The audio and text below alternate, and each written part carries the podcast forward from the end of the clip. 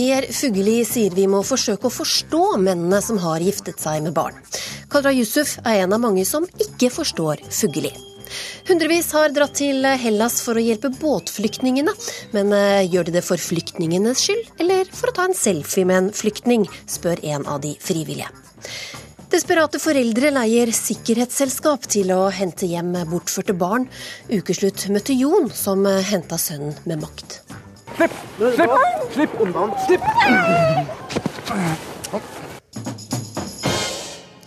Velkommen til denne ukas ukeslutt, hvor vi også skal høre at det er best for klimaet å ikke få barn. Det er bare én løsning. Prevensjon, prevensjon, prevensjon. Jeg heter Linn Beate Gabrielsen, og aller først starter vi med ukas store debatt. Minst 61 mindreårige asylsøkere var gift da de kom til Norge i fjor. Rundt ti av dem var jenter under seksuell lavalder som kom sammen med sine ektemenn. Det at man gifter seg med personer som er barn, det er jo helt forkastelig. Det er steder i verden hvor det å gifte seg veldig ung har vært en tradisjon i tusen år. Det tenker jeg det må vi prøve å forstå. Digital heksebrenning, slik omtalte Klassekampen reaksjonene etter at du, Per Fugelli, sa vi måtte prøve å forstå barneekteskap. Angrer du på noe av det du sa? Nei. Den, den yngste barnebruden som har kommet til Norge, var elleve år. Og det er ikke lov for en elleveåring å gifte seg i Syria heller. Hvorfor skal vi da forstå det? Nei, altså vi skal forstå det. Det betyr for Guds skyld ikke at vi skal godta det. Og det har jeg vært krystallklar på fra begynnelsen av. At vi skal ikke godta barneekteskap. Ikke i verden. Vi skal prøve gjennom FN, gjennom internasjonal lovgivning, å få denne uskikken mm, forbedret og, og, og bort. Det samme i Norge. Her gjelder norsk lov. Vi skal ikke tåle barneekteskap i Norge. Men så kommer det viktige. Disse som kommer hit nå, right, en er 11. Nesten alle er 16, 17, 18, 15. Og jeg tenker at De menneskene skal vi ikke med en gang de kommer til Norge etter forferdelige reiser, krig og nød, de kommer hit, de er redde, de er i avmakt, da skal vi ikke med en gang overfalle dem med fy, fy, fy. Dere er moralsk primitive, dere er skammelige, dere er kriminelle. Altså, Da skal vi møte dem med norsk lov og si at dette går ikke an i Norge, men vi skal møte dere med omsorg. Vi skal prøve å hjelpe, prøve å legge til rette for at dere kan få et, en så god inngang til det norske samfunn som mulig. Men hvordan skal vi forstå? Vi skal forstå, min venn, i den forstand at i deler av verden så har dette vært en skikk, en tradisjon, i tusen år. Og de som lever inni den skikken Det er ikke gitt på noen måte at de opplever at det er forkastelig, at det er feil. Altså det er noe de på en måte er blitt tilvant til. Og Det er det vi skal prøve å forstå, sånn at vi ikke kaller dem seksuelle overgripere med en gang de kommer til landet. Kadra Yusuf, du er skribent og skrev at du ikke forsto konseptet Per Fugelli. Hva mente du med det?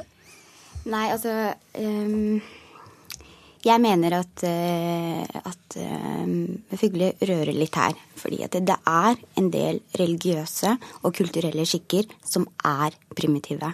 Barneekteskap, uh, at en 14 år gammel jente er gravid med barn nummer to og har vært gift kanskje siden hun var 11 år, det mener jeg er en at ikke hun er primitiv, men at den skikken er primitiv. Og det er veldig mange skikker som ikke harmonerer bra med et moderne samfunn. En av de blant annet er eh, tvangsekteskap. En annen er eh, kjønnslemlestelse.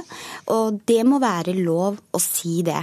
At ikke at barn er primitive, men at en del skikker er det. Eh, og så er jeg litt usikker på hva eh, Fugli mener med at vi ikke skal stå og peke. Jeg tror ikke det er noen som gjør det. Det er klart at eh, når disse unge kom, barna kommer til Norge, så har de behov, på, behov, til å få hjelp til utdannelse, mødrehelse, hvordan de skal kunne klare seg i det nye samfunnet. Og de skal få hjelp. Og jeg har sterk tro på systemet vårt. da. Jeg vet f.eks. at vi har noe som heter kompetanseteamet eh, mot, eh, mot tvangsekteskap, som også mest sannsynlig vil disse barna gå under. Vi har et barnevern, vi har eh, et Nav-system. Men dette er det galt å prøve å forstå det- av den bagasjen de kommer med, at de Men er en del av en tradisjon? Men det, det Fugli gjør, er at han prøver å eh, kuppe eh, og, eh, den offentlige debatten som handler om disse problemene, fordi dette er nye problemer. At barn er gift og får barn eh, i så ung alder, det er, eh, jo liksom noe som ikke er vanlig her. Og det må vi kunne snakke om, og man må kunne få lov til å si at en del skikker, en del kulturelle praksiser er forkastelige, ikke harmonerer med et moderne samfunn, og, og snakke høyt om hvordan man skal kunne løse det. Det han ser eh, Jeg, jeg tror at han reagerte litt på autopilot for at han så at eh, Sylvi Listhaug eh, brukte et uttrykk, og da kicker han. Og da mener jeg på en måte at også at eh, Fugli er en del av problemet i integreringsdebatten og innvandringsdebatten. Du er en del av problemet, sier Kadra. Ja, uh, iallfall. Altså, jeg oppfatter jo det Kadra sier nå som, som klokt. Og jeg tror jeg kan være enig i det meste. Og særlig blir jeg glad når hun sier at all right, det er skikker i andre kulturer, andre steder i verden, som vi helt klart på menneskerettighetsgrunnlag skal ta avstand fra. Og all right, hvis man kan kalle det primitiv eller forkastelig. Hun kaller det forkastelig. Du syns ikke det er greit Hva? å kalle det forkastelig? Jo, altså skikken, kulturen, sedvanen, tradisjonen skal vi ta avstand fra. All right, kall det forkastelig, kall det primitivt. Men det viktige Kadra sier, og det er jo det som jeg har prøvd å få frem som mitt poeng òg, det er at disse menneskene som kommer hit og har levd seg inn i, vært lydige mot denne skikken, når de kommer hit til Norge i avmakt, redde, usikre, da skal vi ikke kalle dem primitive og forkastelige. Det er vel ingen som gjør det? Jo, det er Hvem det. er det som gjør det? Det er det ti tonn av uh, for tida. I, og det er mange som liksom Altså for det første massevis eh, av folk i Norge, ikke minst i Fremskrittspartiet, som kaller disse guttene her nå, Ja. guttene på 15, 16, 17, 18 år, for pedofile. Og kaller dem seksuelle overgripere. Og det er det jeg er redd for, at vi nå er med på å pushe fremmedfrykt, pushe bilder av muslimer, det er særlig de det gjelder, som egentlig noen veldig sånn farlige, primitive skapninger, annerledes enn oss. Men du er ikke redd for det da, Kadra? Eh, For det første, jeg, jeg, jeg har veldig store problemer med å kalle det for et ekteskap. Uh, Når et uh, lite 14 år gammelt jente og en voksen mann, eller 11 år gammel jeg, jeg har veldig store problemer med å kalle det for et ekteskap, for det er det ikke. Det er faktisk et overgrep. Og så vil jeg bare si det at det, i, det, i det Fugli sier, så er stikkordet Frp. Han hører ikke eh, Han hørte faktisk Du hørte kanskje ikke hva hun sa, eh, Sylvi Listhaug sa. Hun sa at det er en forkastelig skikk. Og da tenner han på alle plugger. Og jeg tror at det er egentlig der problemet ligger. At uh, Fugli vil eh, ta kampen opp mot Frp og den retorikken. Og i samme slengen så eh, eh, tar han ikke høyde for at dette er skikker som tar faktisk liv. Og jeg tenker at Hvis du som 14-åring sitter der og har valget mellom noen som faktisk sier det rett ut at denne skikken er forferdelig, vi må få orden på det, eller en landsvader som Fugli som sitter litt sånn tilbakelent og sier at det er forståelse, kulturforståelse Jeg ville ha gått til for det første, altså. Selvfølgelig. Men hør, Kadra. Altså, jeg er enig med deg eh, et stykke på vei. Men samtidig så må vi ikke Altså, vi må ikke Det er ulovlig etter norsk lov, men vi må ikke gjøre det til en, et sånt ekstremt underlig fremmedlegeme på jorda heller. Altså, det, det store flertallet av disse 61, de er 16 år pluss både guttene og jentene. Og det er til og med i Norge lov med ekteskap hvis du søker Fylkesmannen hvis du er over 16 år. Så vi må ikke gjøre dette nødvendigvis til en sånn ekstrem hendelse som er så aldeles noe for seg selv. Og det andre, du har rett i at jeg har Fremskrittspartiet på hjernen. Jeg innrømmer det. Jo da, jeg innrømmer det av gode grunner, min venn. Fordi det jeg føler at Frp gjør, og det er helt ødeleggende for bærekraften i et multikulturelt samfunn, det er at hver gang det kommer en hendelse av denne typen, så lager de en atombombe av den. De går i hysteri og bruker den som en bit i et puslespill hvor de lager et fiendebilde av de andre, særlig muslimene. Og da får vi et todelt Norge i stedet for en trygg, raus norsk flokk. Kadra, er det, er det å prøve å forstå trenger ikke nødvendigvis bety at man godkjenner og aksepterer det? Nei, men, men, men i, i Fugle sier at han har Frp på hjernen. Mm. Og jeg, jeg, mener at mens eh, i det så glemmer han eh, Han er så fokusert da, på Frp og den, at han skal prøve liksom, å redde denne offentlige debatten, at han glemmer å tenke eh, ikke bare logisk, men også gi sympati til disse barna som sitter i de situasjonene. Altså, jeg tenker tenker at hvor er sympatien til en 14-åring som sitter gravid med en barn, som venter barn nummer to, og som har en baby på 18 måneder? Hvor er sympatien med alle små, uferdige jentekropper som føder barn, altså barn som føder barn? Jeg tenker at i stedet for å liksom sitte og leke ping-pong med Frp i, i, den store offentlige innvandringsdebatten, så burde han heller eh, fokusere mer på de som faktisk trenger hjelp. Og jeg, jeg, jeg, det gjør han ikke. Det er mer enn den der ja, på den ene siden, på den andre glemt, siden. Har du glemt uh, ofrene er altså, dette er i din, eh, Du spør hvor er sympatien.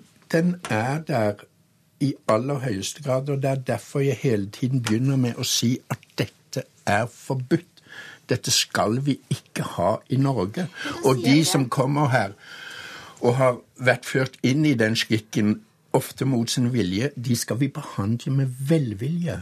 Med, med, med, altså vi, vi, med omsorg. Altså jeg, jeg, jeg, det er jo det som er sympati. Hold loven, og hjelp ofrene med omsorg. Da fikk det bli siste ord. Tusen takk, Kadra Yusuf og Per Fugelli. Likko Bjevin. Lakko Bjeine. Boppe Behaving. Statsminister Erna Solberg gratulerer og har heist sameflagget til topps i anledning samefolkets eh, dag i dag, og vi her i Ukeslutt feirer med kake. Gratulerer og velkommen hit, eh, Erlend Elias og Elin Kloven. Takk. Takk. Eh, Elin Kloven, du er eh, artist som både joiker og synger. Hva, hva er det beste for deg med samekulturen? Med samekulturen? Ja, jeg syns det beste så klart den tilknytningen som vi har til naturen. For at når jeg, bod, når jeg bodde lenge i by, jeg var ca. 16 år borte fra Sápmi og borte fra naturen også samtidig, så merka jeg hvor viktig det var å, å ha den tilknytninga til Ja, å kjenne hvor man er ifra, at man er fra jorda. Og ja, jeg føler at byen er en slags en verden oppå den virkelige verden. Lytteren ser ikke det, men du er veldig flott pynta i dag. Og så har du noe som nesten ser ut som greiner malt oppover i panna. Ja, jeg har sånn eh, Jeg vet ikke om jeg skal kalle det fetisj, men jeg digger, jeg digger trær. Og så grunnen til at jeg, grunnen jeg pynter meg sånn her og maler meg litt, eller ja, sminker meg litt spesielt, er fordi at jeg har lyst til at når folk ser meg, at de skal minnes om andre vesener, mer mytologiske vesener. At det ikke Ja, bare huske på at det fins andre verdier og liksom eventyr og mytologi og overtro. For jeg har opplevd at barn Når jeg hadde en forestilling som het Den arktiske alven på barneskoler, så var det så var det en liten gutt, sånn i andre klasse kanskje, så kommer han til meg etter eh, forestillinga og spør Du, eh, hva er egentlig en alv? Og så ble jeg jo kjempesjokka, liksom, at det fantes barn nå som ikke vet hva en alv er, og de har ikke peiling på De har ikke hørt de gamle eventyrene som vi hørte da vi var barn. Du har også et spesielt forhold til trær. Ja, jeg bare jeg Trærne er sånn det er, den, det er den største inspirasjonskilden min. Jeg føler at jeg føler at når jeg går i naturen, så er det akkurat som de prater til meg. Og det, de, jeg føler jeg har et veldig nært forhold. Det er nesten som personlig. Jeg vet ikke. Hvordan prater de til deg? Jeg vet ikke, jeg går i skogen, og så føler jeg at når jeg går der, så er det akkurat som de bare roper til meg bare 'Elin, syng! Elin, syng!' Og så synger jeg. Og så er det akkurat som de er publikummet mitt. Og de er bare superglade for å høre at jeg synger. Det er helt sykt å si det høyt, men jeg vet ikke. Det er sånn, mm. det er sånn opplevelser jeg har når jeg går ut i skogen og sånn. Erlend Elias, du er eh, stylist og same du også. Står interessen for natur sterkt hos deg også? Absolutt. Jeg er jo fra um, Tysfjord, verdens vakreste perle, og um, naturen er jo noen ting man er vokst opp med. Og jeg var jo akkurat oppe i Tysfjord og Hamarøy i går, og uh, det er jo, du blir jo fylt med inspirasjon. Jeg går jo ikke og, synger til trærne eller klemmer de eller koser med de, men jeg blir absolutt inspirert av naturen. Hva annet er typisk eh, samisk, vil du si? Nei, må man si overtro. Eh, det at man kanskje er nærmere og eh, de evnene, ikke sant, både til sjamaner, det å stoppe blod, joiking det, vi hører mye om det, men er det noe man faktisk har Er det en del av hverdagen din, holdt jeg på å si? En del av virkeligheten? Ja, absolutt. Jeg, jeg, hvis jeg liksom er dårlig, ting, så er det jo ofte at jeg ringer til, til, noen som kan lese på meg før jeg går til legen. Jeg prøver jo det først. Det er jo det man gjør. Og, så det, det, er vel kanskje litt spesielt med, med samer og og det er jo litt sånn at man har jo ikke lyst til å fornærme en annen same, for man er redd for å bli gana. Og, og det er liksom Det er mye så Jeg syns det er fantastisk Fantastisk å få lov å være same og få være en del av, av hele ja, vi, miljøet. Har vi nordmenn noe å lære av uh, dette samiske? Ja, jeg syns jo at man har uh, Det er jo som å si at byfolk, ikke sant og jeg merker jo at folk som er oppvokst i Oslo, de er jo ikke helt sånn De vet jo ikke helt hva en same er. Og det er jo mange som er litt sånn Ja, samer For Til og med en gang så fikk jeg høre fra ei dame Samer, finnes det ennå? Bare Ja. ja, det var det. Bare samer, dem har jeg ikke sett. Nei. Tar ikke dem sånne kofte Ja, men ikke sant. Mm. Men Elin, du, du, mener dagen i dag er en av få dager hvor det er greit å være same. Hva mener du med det? Ja, altså, jeg har jo aldri Altså, jeg tror jeg er en av de få som kan, som kan si at jeg har aldri følt meg diskriminert pga. at jeg er same. Jeg vet ikke om det er bare jeg som ikke tar, tar, det til meg, eller hva det er. Men, det, men jeg hører så mange andre historier om det at uh, de blir uh, ja, hets, og de får masse uh, kommentarer på det. Og denne dagen er det litt mer blir det jo litt mer OK å bare ta på seg kofta hvis du har lyst til det, ikke sant. Men andre dager, hvis du ikke har lyst Hvis du har lyst til noen andre dager, så blir det jo litt verre, for da må du drive og forklare hvorfor du har det på, og så må du fortelle masse, liksom. Mens nå er det I dag så kan man gjøre det uten å man kan bare si ja, det er samefolkets dag, det kan uh, se ut som en same og ikke sant. Men det samiske er jo liksom blitt veldig, veldig hot uh, hele året, og jeg jobber jo veldig for å fremme samisk design. Og vi får, har jo fått noen kjempeflotte samiske designere ikke sånn som virkelig har slått seg opp, som f.eks. Abanti. Og det er jo utrolig morsomt å se nå f.eks. Finnmark Rein, som jeg samarbeider med, og vi skal ha en samisk fashion week nå nærmere våren. og og da får man se det samiske tatt enda videre, ikke sant, som high class fashion. Mm. Og uh, Finnmark Rein da vil jo for eksempel uh, servere uh, reinsushi. Så det er jo I dag så er vi vel kanskje mer tilbake på kulturen og det tradisjonelle og sånne ting, men jeg syns det er viktig å få fram at uh, det samiske er veldig på dagsordenen hele året, og det blir mm. bare mer og mer populært. Men eh, på 17. mai så er det liksom barnetog og pølser som gjelder. Hva er det viktigste for dere i feiringa i dag? Prøv å gjette. Nei. Ja. Det er bidos og, og det er rett og slett det å være samla.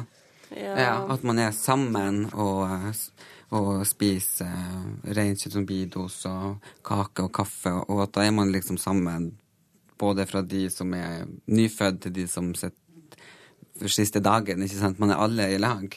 Da får dere ha en uh, veldig trivelig eh, feiring i dag. Takk Erlend Elias og Elin Koven. Her skimter vi Espen Lie i politibilen på vei fra rettsmøtet som ga han og to andre nordmenn seks nye dager i varetekt på Kypros. Politiet på Kypros mener de tre nordmennene hadde planer om å bortføre en eh, tre år gammel jente på oppdrag fra barnefaren. Selv sier de at de bare skulle hente en bil. Hvert år blir eh, flere titalls barn bortført fra Norge, og mange får hjelp til å hente dem tilbake av sikkerhetsselskaper. For Jon ble dette redninga da sønnen forsvant. Han hadde hovedomsorgen, men moren holdt barnet vekk fra ham. Og til slutt hentet han sønnen hjem med makt. Vi har eh, anonymisert faren av hensyn til barnet. Han reagerte jo som om han skulle bli kidnappa av en fremmed eh, person. Når vi, når vi, var der og i området, så måtte jeg måte prøve å ikke synes. Så jeg hadde på meg solbriller og caps og, og gjorde meg så utilgjengelig som mulig. da. Idet jeg skulle hente den, eh, så glemte jeg å ta av meg det, så han kjente meg jo ikke igjen. Det var veldig dramatisk. Eller ut, ut. Kom. Gå tilbake. Gå vekk. Gå vekk. Hold deg tilbake. Sånn. Slipp. Slipp. Slipp. Slipp. Her hører du lyden av at Jon henter sønnen sin. Vi kommer tilbake til aksjonen om litt. Norsk domstol ga Jon hovedomsorgen for sønnen. Kort tid etter tok mora hans med seg gutten til hjemlandet sitt. Jon tok kontakt med politiet og Justisdepartementet. De gjorde alt de kunne, men det hjalp ikke. Og så sitter man da med et politi som sier vi gjør alt vi kan, men det er det her. Vi kan ringe. Eh, samtidig som du har da tre psykologer som sier at det er helt avgjørende for den gutten at han kommer hjem så fort som mulig. Jon sitter på en restaurant i Oslo med en saftig burger på bordet foran seg. Jon er ikke det egentlige navnet hans. Han drikker rus og leter etter en gaffel. Gaffelen er et mann med skjegg som sitter ved siden av ham. Han heter Martin Våge og ble redninga hans. Vi prøver å finne myke løsninger først, og ved, ved bruk av eh, vårt kontaktnettverk innenfor eh, f.eks. politi og sånn rundt om de forskjellige landene. Martin Våge leier selskapet APB World Group, som har spesialisert seg på å hente hjem bortførte barn, ofte fra konfliktfylte områder av verden. Men uh, i mange saker så fungerer jo ikke det, og man må rett og slett hente ut barnet da, med, med makt. Offisielt så er det ingen som syns at det er greit. Eh, det er vel et, et, et greit svar. Uoffisielt eh, så er det jo noe helt annet, selvfølgelig. Så du har vært i kontakt med f.eks. norsk politi som sier 'kjør på', men vi vil ikke vite det? Vi har jo fått flere saker an, eller sendt til oss eh, av, av norsk politi. Dvs. Si, klienter har fått, eh, fått tips fra politiet om å om å kontakte ABP. Justisdepartementet eh, sa til og med sånn off the record eh, til meg at eh, hadde det vært mitt barn, hadde jeg henta dem selv. Justisdepartementet sier de ikke kjenner til disse påstandene, og ønsker ikke å kommentere. Hvert år blir flere titalls barn bortført fra Norge. Om lag like mange blir bortført til Norge. Når de kommer her, så går vi ut når de er ja, nesten på sida av bilen her. Vi drar fem år tilbake i tid. Vi sitter i en lys bil langt unna Norge. Vi, vi, venter ikke til i morgen, da. Nei, nei. Lyden du hører her, er det Martin Våge som sjøl gjør opptak av. Han dokumenterer alltid alle aksjonene han er med på. Ukeslutta får tillatelse for TV 2 og Novemberfilm, som har laga en dokumentar om denne aksjonen, til å sende lyden. Det kommer biler her i full fart, eh, sånn at vi ikke får noen accidents. Mm. I lengre tid har Martin Våge spana på sønnen til Jon. Han veit hvor han eh, går på skole, og han veit når han kommer dit om morgenen. Nå er det 13 minutter igjen til ni. Gutten kommer gående langs veien med en ukjent mann. På ryggen har han en stor sekk. Ikke la dem passere. Ta dem når de er sånn halvveis bak bilen. Aksjonen er i gang. Gå. Ut, ut, ut. Eller ut, ut. Gå. Gå tilbake. Gå vekk. Gå vekk. Hold deg tilbake. Sånn. Slipp. Slipp. Slipp. Slipp. Gutten stritter imot. Han legger seg ned på bakken. Jon får han inn i bilen. Den ukjente mannen prøver å stoppe dem, men han blir hindra. Det går bra.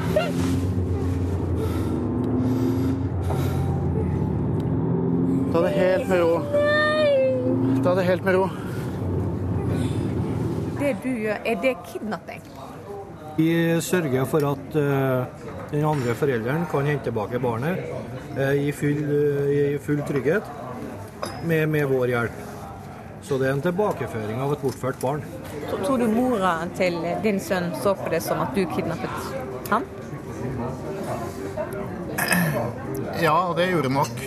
Men eh, fire rettskjennelser i ettertid eh, sa noe annet. Er det ifølge norske styresmakter kidnapping dersom noen henter et barn tilbake til Norge ved hjelp av makt? Det, er, det er litt for generelt spørsmål til det går an å bare si ja eller nei på det. Dette er Vidar Brein-Karlsen. Han er statssekretær i Justisdepartementet. Vi har sett ulike eh, tilfeller der eh, foreldre sjøl har vært involvert og, og henta unger som de har eh, den rettmessige omsorgen og foreldreretten for. Og det ser, kan ikke jeg se er ulovlig. Men alt fra et, sånt eksempel og til ulike andre former eh, for eh, benyttelse av, av sikkerhetsselskaper, så kommer man fort i gråsone, og fort i en situasjon som, som er, blir oppfatta som i strid med andre land sine regler. Og Da kan man få uheldige situasjoner med både fengsling og, og eh, domfellelser i utlandet. Jeg skjønner at du ble litt redd. Tilbake i bilen har sønnen til Jon roa seg ned. Det er ikke farlig, det er bare pappaen din. Hold deg unna. Og vet du hva vi skal gjøre med en gang vi kommer hjem? Vi skal kjøpe hund. Nå? Når vi kommer hjem, skal vi kjøpe hund. Ja. Nå er det ca. fem år siden den aksjonen her. Hvordan har sønnen din i dag? Han har det kjempebra.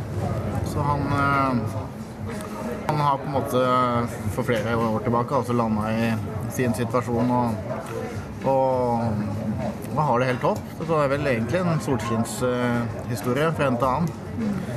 Selv om vi helst skulle vært uten den opplevelsen. Reporter var Sara Victoria Rygg. Den neste halvtimen får du høre mer om disse sakene her i Ukeslutt. Det beste for klima er å ikke få barn, sier biologistudent og får støtte av professor. Jeg nekter å tro at vi er de verste miljøsynderne, svarer seksbarnsfamilie som lar alt gå i arv. Og er det en god idé å plotte sex inn i kalenderen? Noen ganger har man vel ikke annet valg.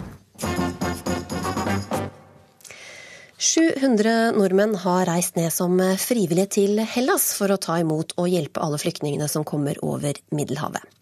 En del av dem har tatt selfies med flyktningene og lagt det ut på sosiale medier. Hvem er det egentlig vi hjelper, spurte en av dem, Louise Krüger, i et innlegg i Aftenposten. Er det oss selv og imaget vårt, eller er det flyktningene? Du studerer sosialantropologi, Louise Krieger. og hva har du opplevd som frivillig på Kia som får deg til å tenke at her, hjelper, her er det i hvert fall en del som bare hjelper seg selv? Uh, ja, nei, det stemmer. Uh, det var et par situasjoner hvor, hvor jeg var vitne til at de som var frivillige, kanskje skapte litt mer kaos enn ro. Og, og jeg tror at når man ender med å ta bilder i situasjoner hvor folk er sårbare, så, så er det kanskje ikke alltid like lurt å ta bilder, tenker jeg. Men øh, folk øh, ofrer jo mye for å dra ned, og, og drar på egen øh, regning. Er det liksom noen grunn til å betvile motivene deres? Eh, nei, det, det, jeg må si først som er viktig å presisere, er det at det er kjempemange frivillige som gjør en veldig bra jobb. Så, så, det er viktig å si. Men, men jeg tror også at når det behovet for å på en måte vise den jobben man gjør i sosiale medier, overgår Eh, den hjelpa som man gir ut, så, så, tror jeg det blir et problem. Så, mm. så jeg tror at uh, Unnskyld, selvfølgelig så, så, skal vi ta bilder av hverandre, men jeg tror at de bildene de må være naturlige å ta. Og så må vi heller ikke glemme at vi hjelper folk i nød. Trude Jacobsen, du var en av de første som ofret eh, jobb og satte i gang med å organisere hjelp til flyktningene som kom over Middelhavet. Og nå er du straks daglig leder av det som er blitt dråpen i havet. Opplever du noe av det samme som Krüger forteller om her? Altså, jeg ønsker ikke å spekulere i motivet folk har for å reise ned og hjelpe til. Det er klart at Vi har nå hatt 700 hjelpearbeidere på de greske øyene på fem måneder. og selvfølgelig noen eh, tar bilder de ikke burde tatt, og, og publiserer dette. Men som en hovedregel så vil jeg si at de aller fleste er veldig flinke til å forholde seg til de retningslinjene som vi um, har, og uh, ber folk om å følge før de begynner hjelpearbeidet. Mm. Får det noen konsekvenser? Ja, altså vi har hatt noen tilfeller hvor vi har sett at, at det har blitt lagt ut bilder som ikke burde legges ut, og det har fått konsekvenser. Mm, ja, på, ja, på, hvilken måte da? Eh, på den måten at vi har måttet be eh, den frivillige om å slutte å jobbe med oss, rett og slett. Mm. Louise Krüger, du fortalte også om at eh, det oppsto en ganske kaotisk situasjon etter en del venting på at båtene skulle komme. og Kunne fortelle om det? Kan du fortelle oss litt om det? Ja, Det var et par dager i begynnelsen hvor, hvor det var dårlig vær. og Da selvfølgelig så, så, er det for mye sjø til at folk kommer seg over. Eh, og da, da, vel, da, ble det litt sånn at vi gikk og trippa og venta. Eh, men etter hvert så, så, fant vi jo selvfølgelig ut at det er jo ikke bare på stranda som det trengs hjelp, men det er i suppekjøkken og med å sortere klær og sånn. Så, sånn at uh, selvfølgelig så, så, er det behov på, på, flere steder, men jeg tror at, at, mange som reiser ned, de ser for seg det her med å stå på stranda og ta imot båt etter båt etter båt. Og jeg tror man skal være klar over at, at eh, det er ikke bare det det frivillige arbeidet handler om. Det er, er flere ting som er viktig å gjøre. Er det mange som får seg en overraskelse, Trune Jacobsen? Ja, det er, det er eh, Nå var jeg på Kios eh, samtidig som Louise.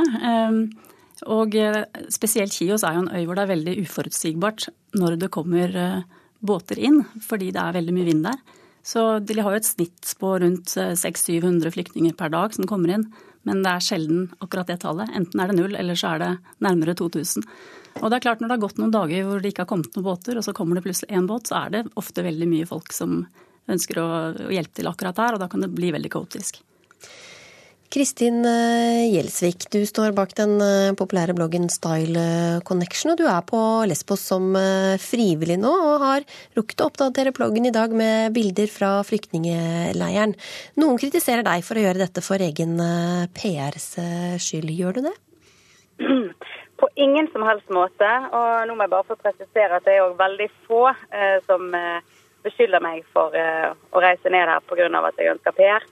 Det er veldig, veldig få kommentarer. Eh, dette her eh, gjør jeg fordi at jeg virkelig ønsker å bidra, og eh, fordi at jeg har en sterk stemme i samfunnet som jeg faktisk kan bruke til noe litt mer vedtukt enn å skrive om en lipgloss eller en god sjampo. Ja, hva syns du om de som påstår det, da? Nei, hva skal jeg si? Altså, jeg vil tro at um, det er rett og slett for vanskelig for de å sette seg inn i situasjonen. Um, det blir så vanvittig feil å sitte i en kjellerleilighet og beskylde folk for å reise ned pga. PR. De er for lite klar over det vanvittige omfanget. For uh, det krever enormt mye å reise ned her. Det er lange dager. Du blir brutt ned uh, psykisk, ikke minst. Du er vitne til noen vanvittige situasjoner som du aldri trodde du noen gang kom til, kom til å være vitne til. Så nei, det blir, eh, det blir litt eh, naivt, rett og slett, å uttale seg. Men hvorfor er det viktig å også fortelle om den eh, jobben du gjør der nede? Fordi det er viktig eh, å informere Eh, spesielt dagens unge, ikke minst. Og det er veldig mange saker som blir publisert i media der jeg syns at fokuset er rett og slett eh, ganske feil. I tillegg syns jeg det er så viktig å inspirere andre til å kunne bidra og vise hvor enkelt det faktisk er. Og hvis man nå er litt inne på dette med å publisere bilder og, og den type ting på Facebook altså Det er helt naturlig å dokumentere eh, ting og situasjoner som gir enormt sterke inntrykk. Eh, I tillegg så er Facebook absolutt eh, den viktigste informasjons- og rekrutteringskanalen, hvis man kan si det sånn. Det er så mange frivillige som har kommet til pga. Facebook, fordi at man har sett enten en venn eller en bekjent eller en kollega, alt dette som, som har vært her nede for å hjelpe. Og da blir det plutselig veldig mye eh, nærere, litt mer ekte, og det blir enklere å engasjere seg. Ja, hva tenker du om det, Krüger? Det kan jo motivere mange andre til å komme og hjelpe ved å se dette i Facebook-feeden? Eh, jo, ja, og det er jeg helt enig i, og, og det, og det syns jeg er kjempebra. Men jeg tror også samtidig at, eh, at vi må tenke litt på om, om vi har spurt om lov, eller om, om For jeg, jeg, tror at hjemme i Norge så ville man vært veldig forsiktig med å ta, barn, ta bilder av barn i en sårbar situasjon. Eh, og hvis man har fått lov til, av foreldrene å gjøre det, så, så er det helt greit. Men, men jeg, jeg, jeg, skjønner at det er viktig å formidle det man holder på med, men samtidig så tror jeg at, at uh, man kan formidle det på et senere tidspunkt, hvis man har blitt bedre kjent med de man er i snakk med, og, og klarer å formidle det her på en, på en nyansert måte, så, så er jeg helt, helt, med på det. Men jeg tror også at, at vi må ha den respekten eh, i bakhodet. For at vi, vi må passe på å ikke utnytte de menneskene som er sårbare. Har du spurt om lov, Gjelsvik? Det har jeg absolutt. Og det som er så fint å se, det er at spesielt barn de syns det er utrolig gøy med, med, telefon, og de får se seg selv på, på kamera. Og de, de, ønsker faktisk å bli tatt bilde av, og det, selvfølgelig så blir eh, dette her godkjent eh, av foreldre. Og de syns det er veldig, veldig fint sjøl at dette her er noe vi gjør. Og det er selvfølgelig sånn at du deler bilder der barna har det kjekt, eller man viser situasjonen sånn som man er. Jeg ville jo heller aldri tatt bilde av eh, et barn som er ja, sterkt nedkjølt, hvis man kan si det sånn, da, som, eh, som, har det veldig veldig dårlig. Så det blir jo helst i en litt mer sånn eh, lykkelig situasjon. Og Det jeg syns er veldig viktig med å dele ting underveis, det er jo at man da engasjerer de hjemme til å f.eks. kunne bidra økonomisk. Um, bare ved å legge, dette, legge bilder ut på blogg, uh, så vippser mennesker gjerne penger over som vi kan bruke fortløpende her nede. Noe som er så nødvendig. Mm. Det, mang, altså vi mangler masse både sko og klær og mat osv. Og, og det, det, er penger og midler vi bruker underveis. Lyst til å spørre deg kort til slutt, Rudi Jacobsen. Hva gjør dere for å unngå at folk eh, tar bilder som ikke er eh, så bra at de tar? Vi har jo disse retningslinjene som alle må signere på uh, før de får lov til å jobbe med oss, og der sier vi en del om akkurat den biten der. Uh, og så har jo selvfølgelig ikke vi oversikt over alle bildene folk tar og hva de legger ut på sine egne sider, så det kan vi ikke kontrollere. Men vi har i hvert fall god oversikt over hva som publiseres på våre sider, og, og godkjenner ikke bilder som ikke er som følger retningslinjene. Mm. Takk skal dere ha, Louise Krüger, Trude Jacobsen og Kristin Gjelsvik. Vi hører ofte at uh Norske kvinner bør få eh, flere barn, men eh, er det forsvarlig sett fra et klimaperspektiv? Nei, mener en professor i zoologi, som allikevel frikjent av Ukeslutts gravide reporter Gry Veiby. Men folk burde jo tenke litt mer seriøst på det. Hvor mange barn skal vi egentlig ha? Og Jeg syns to barn er fint, men tre barn, da begynner det å bli litt negativt. Zoolog Harald Kryvi er vant til at folk hisser seg opp når han forteller om sin hjertesak. Den største trusselen for miljøet er jo antall mennesker. Det er jo veldig lite, forbløffende lite diskutert av. Det er som en elefant i en glassbutikk. Alle ser den, men ingen vil snakke om det. Og apropos å se elefanten i rommet. Kryvi har for lengst skjønt at eh, kulen på magen min innebærer nok et menneske som skal belaste jorda men han tar det med fatning. Ja, lykke til, og jeg håper det går bra. og så måtte jeg jo le litt, fordi grunnen til at jeg treffer deg nå, er for at jeg fikk noen andre til å hente i barnehagen. ja. ja, sånn er livet. ja, akkurat. Jeg, ja, jeg har to barn, kan jeg si. Så, så ja da. Så, og så må du lese, når du er ferdig med de to, må du lese litt biologi, og så vet du hvordan dette foregår. og så sørge for at det blir to. Kryvi er altså selv tobarnsfar og setter grensa der. Men det er noen som går enda lenger og nekter å høre på den biologiske klokka. Det myldrer av mennesker i ettermiddagsrushet på Oslo S. Midt i mylderet står 27-årige Katlin Hagen. Hun har tatt et uvanlig valg for å redde planeten. For i tillegg til Jeg kjører ikke bil, tar til kollektivtrafikk, sykler. Spiser veldig mye vegetarisk. Jeg reiser ikke så mye. Når jeg reiser, så reiser jeg helst med tog. Har hun valgt å ikke få barn, for miljøets skyld. Eh, fordi menneskene tar mye plass og bruker CO2. Eh, jeg står bak masse CO2-utslipp og forbruker veldig mye og tar mye plass. Mm. Så da tenker du det beste man kan gjøre for klimaet egentlig er å kanskje ikke få barn, eller? Ja, det er en god, god eh, ting, ja.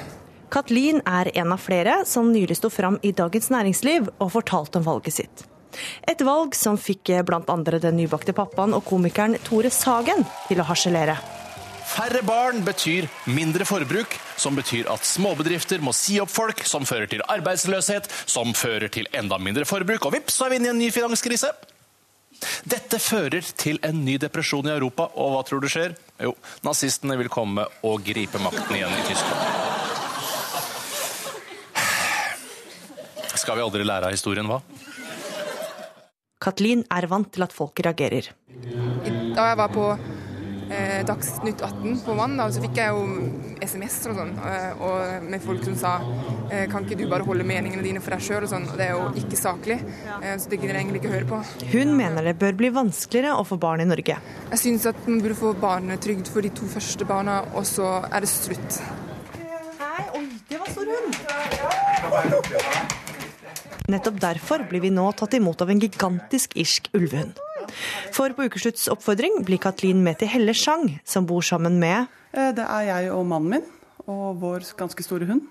Og så seks barn. Det er eh, Ella på 17, Erlend på 15, Even på 12, Eva på 8, Elisabeth som er snart tre, og Einar som er halvannet år. Hva sier seksbarnsmoren om Katlins bidrag til miljøet? Det er ikke så ofte jeg får, eh, får kommentarer på at det er lite miljøvennlig. Det er det ikke. Nei. Det går mest på Oi, hvordan orker dere? Hvordan har dere tid? Eh, Hvordan har dere penger?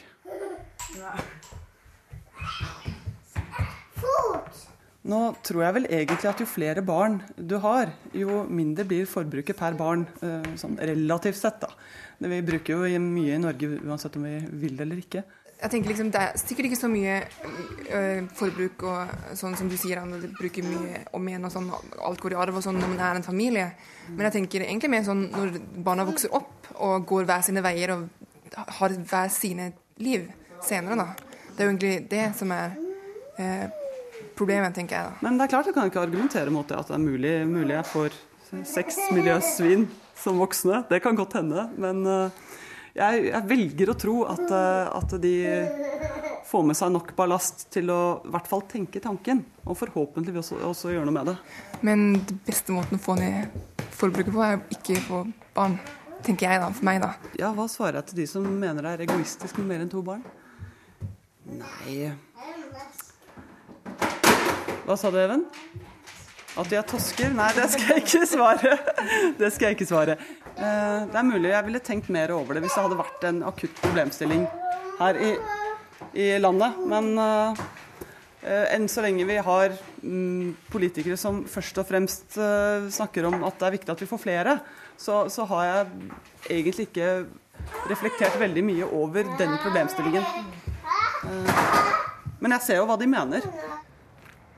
På vei fra seksbarnsfamilien.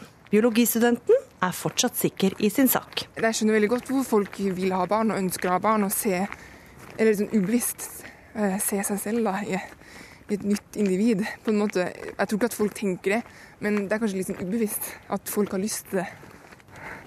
Kanskje? Men er det ikke litt sånn, du som studerer biologi, så er det sånn alle arter vil jo formere seg. Ja, ja. Som biologisk sett også, så vil man jo få barn. Ja, det vil man jo. Eh, ja, det vil man jo. Det er jo, opp, det er jo poenget med det er jo at genene skal gå videre. Men eh, så er det tydeligvis noen som har fått eh, hjerner som prøver å eh, gå mot det, da. Sånn som deg? Ja, sånn som meg. Så det er egentlig veldig dårlig for mine gener, da. Vi avslutter der vi starta, på kontoret med professor Kryvi. For Jeg har faktisk fem barnebarn, så det må jeg innrømme. Så, så der er det jo litt, litt mye, da. Men det problemet er, eller forholdet er jo da at alle barn som blir født, eh, blir jo elsket stort sett av sine, sine foreldre. Og det er jo bare så gjevt og givende og, og allting. Så det er veldig vanskelig å ta det opp. Men da er bare én løsning. Det er prevensjon, prevensjon, prevensjon. Så vi får håpe at eh, vi med selve sexen formodentligvis kan ha god miljøsamvittighet. Men eh, det var det å få tid til det, da.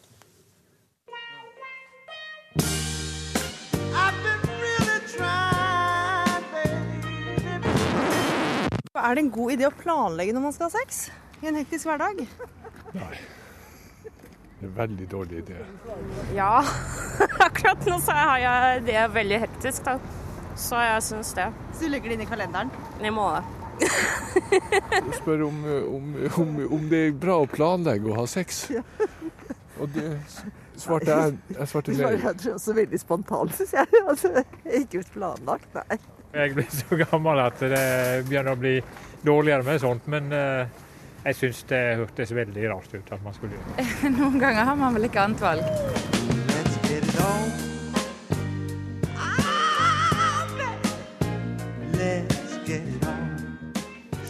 Ja, er løsninga å plotte sex inn i kalenderen når eh, hverdagen blir for travel og slitsom? Stordalen-ekteparet har tidligere avslørt at eh, de setter av 15 minutter lørdag klokka åtte, og med sushi etterpå. Tine Monsen, på bloggen din på Nettavisen så slo du et eh, slag for dette, og reaksjonene har jo ikke latt vente på seg. Hvorfor er det nødvendig å planlegge sex på den måten? Du, Som blogger så er jo jeg veldig opptatt av hva som rører seg, og hva som er på en måte aktuelt. Og um, hos mange småbarnsforeldre så ser man at det å ha fokus på forholdet gjerne kan komme litt i siste rekke i en periode. Det er sånn tøff start, kanskje, når man får små barn. Så da skrev jeg et innlegg og kom med et tips om at uh, for å få litt start på ting igjen, så kan man kanskje avtale og faktisk ha sex. Og sette litt sånn, bestemme seg for å ha fokus på forholdet. Hvor mange har det sånn, tror du? Hvor vanlig er det å bruke kalenderen? Det vet jeg ikke, men det, det er jo veldig til veldig individuelt. Men jeg vil jo tro ut ifra det på en måte erfaringene jeg har gjort meg i forhold til forskjellige venner, og det jeg har hørt liksom rundt omkring, er at det blir på en måte vanligere og vanligere. I hvert fall i en periode så kan det være et godt eh, hjelpemiddel. Marie Høili, du er eh, også blogger. Kunne du eh, planlagt sex i kalenderen? Um, det har ikke jeg behov for, da, for å si det sånn. For jeg har um, et veldig godt forhold til sex. Uh, For meg så betyr sex kjærlighet og nærhet. Og jeg er veldig god på å prioritere det også. Så sex for meg på daglig basis det er helt nødvendig egentlig for å ikke bli mannevond, da, for å si det sånn. Ja, hvordan, hvordan får du det til å gå opp? Du har også mange barn Ja, og jeg har tre barn, og to av de er små. eh, Men jeg tror det handler om prioriteringer. Og istedenfor å sitte oppe til langt på natt og se på film eller holde på med sosiale medier, så velger vi å gå og legge oss tidlig, f.eks. Og det er en veldig god strategi. Den nærheten man opplever der, den fører jo med seg noe videre, da. Så. Mm, Men hva er ulempen med å planlegge det, syns du? Jeg tenker at det blir da mer som en plikt, en jobb på en måte som må gjennomføres. Da. Eh, Og det blir for meg en veldig negativ vinkling på et veldig eh, positivt nærhetsbehov. Eh, Fordi eh, sex er jo en av de viktigste grunnleggende behovene vi har eh, i forhold til behovspyramiden, på samme nivå som mat og søvn, faktisk. Så problemet i samfunnet tror jeg er at vi har overstimuli av psykiske eh, ting og understimuli av fysiske ting. Da. At vi er i ubalanse, og da blir det lett at eh, kroppen også blir forvirra og ikke ønsker, på en måte. Mm. Tine Monsen, kan det fort bli en plikt eller en jobb hvis man eh, putter inn i kalenderen? Jeg tror ikke det. Jeg tror det er veldig viktig å bestemme seg for å ha fokus på forholdet sitt. Eh, Og det å ha sex hver dag høres jo fantastisk ut. Det er jo fantastisk at det går an. Jeg vil jo likevel tro at for veldig mange småbarnsforeldre så er ikke det helt oppnåelig. I hvert fall kanskje ikke med det første. Det blir litt sånn som en trening. Man skal, kan gjerne si at det er lurt å trene hver dag, men så er det veldig vanskelig å få til. Og når man på en måte er i en litt utfordrende fase av livet, så har man veldig hektiske hverdager. Man har ikke kanskje noe hjelp eller støtte fra familie rundt til å ha barnepass og sånne ting. Man, har, man jobber fullt, man skal hjem, hente barna, lage middag. De har gjerne aktiviteter, så har de lekser. Og så på kvelden så skal man kanskje trene selv. Kanskje man bytter på å dra og trene og sånne ting. Og da tror jeg det er veldig lett for at man er såpass sliten at man bare til slutt så har det kanskje gått veldig lang tid uten at man har hatt sex, rett og slett. Så jeg tror det, er, det kan være et veldig godt hjelpemiddel for å um, sette fokus på det. Og det trenger jo ikke å være sex heller. Bare å avtale å ha en date, gå på kino, ha, ha kjærestetid, rett og slett. Høyli, det kan jo, alternativet kan jo være at det ikke blir noen ting i det hele tatt. Mm. Men jeg tror det handler om å samkjøre og skjønne hverandres behov. Eh, For menn og kvinner er veldig forskjellige. På den seksuelle biten så er jo menn mer primitive. De er jo ute etter nytelse, mens kvinner er mye mer emosjonelle og er ute etter nærhet. Så å vite på en måte at vi må tilfredsstille dine og mine behov sammen og, og, finne en god løsning på det, tror jeg er nøkkelen til veldig mye. Og som du sier med trening, vi, vi driver jo med hjemmetrening på kvelden. Um, man kan jo drive med kroppstrening eller kjøpe seg noen vekter eller en løpemaskin, og så kan man gjøre det i undertøy. Det gjør vi. Det er en sånn fin foreplay, egentlig. Vi gjør det, vi trener i undertøy, og så har vi sex etterpå. Ja. Men eh, når man på en måte gjør noe hver dag, så høres jo det nesten ut som en plan. Det er jo ikke en plan, det er mer det at det er et, et positivt behov da, som jeg har. Mm. Men jeg tror jo at vi er veldig enige begge to i at det på en måte handler om å ha fokus på forholdet. Mm. At det er selve basisen mm. i å ha et godt liv da, sammen. Så det å ha sex er jo kjempebra. Det, vi har bare litt forskjellige innfallsvinkler. Man må rette fokuset hjemover, altså innover i hjemmet, helt klart. Fordi jeg ser jo også på utrostatistikken at 50% av gifte menn er faktisk utro, og det er en grunn til det, tenker jeg. Og det er jo fordi kanskje en småbarnsmor eh, får over eh, overstimuli av babyen, ikke sant? for du får så mye nærhet og kjærlighet og, og omsorg da, med en baby. Men mener du at kona må stille opp for mannen? da? Eh, jeg mener at eh, hvis man er flinkere til å dele på det ansvaret, eh, sånn at mannen også har jo behov for nærhet, men han blir glemt i en, i en babysituasjon som regel. Jeg skjønner jo at mannen ikke kan amme, men han kan, han kan ta veldig mye mer ansvar enn enn det kvinner kanskje tillater også. Fordi hun tror at hun kan bedre, da, i mange tilfeller også. Og da kan jo akkurat det å på en måte sette noe på timeplanen faktisk være et hjelpemiddel. Et verktøy man kan ha bak i bakhodet for å ha fokus på forholdet. Men hvor blir det av spontaniteten? Jeg vet ikke med dere, men eh, jeg vet ikke helt hvordan spontaniteten skal plasseres inn i hverdagen. Dessverre. Man må prioritere, som sagt. Ja. Tusen hjertelig takk for at eh, dere kom hit til eh, Ukeslutt, Maria Høili og Tine Monsen. Takk. En ting du trygt kan eh, sette av i kalenderen, det er eh, ukeslutt neste lørdag klokka 12.30 i P1 og P2. Takk for at du hørte på i dag. Ansvarlig for eh, sendinga det var Kari Li. Teknisk ansvarlig var Marianne Myrhol. Og i studio satt jeg Linn Beate Gabrielsen.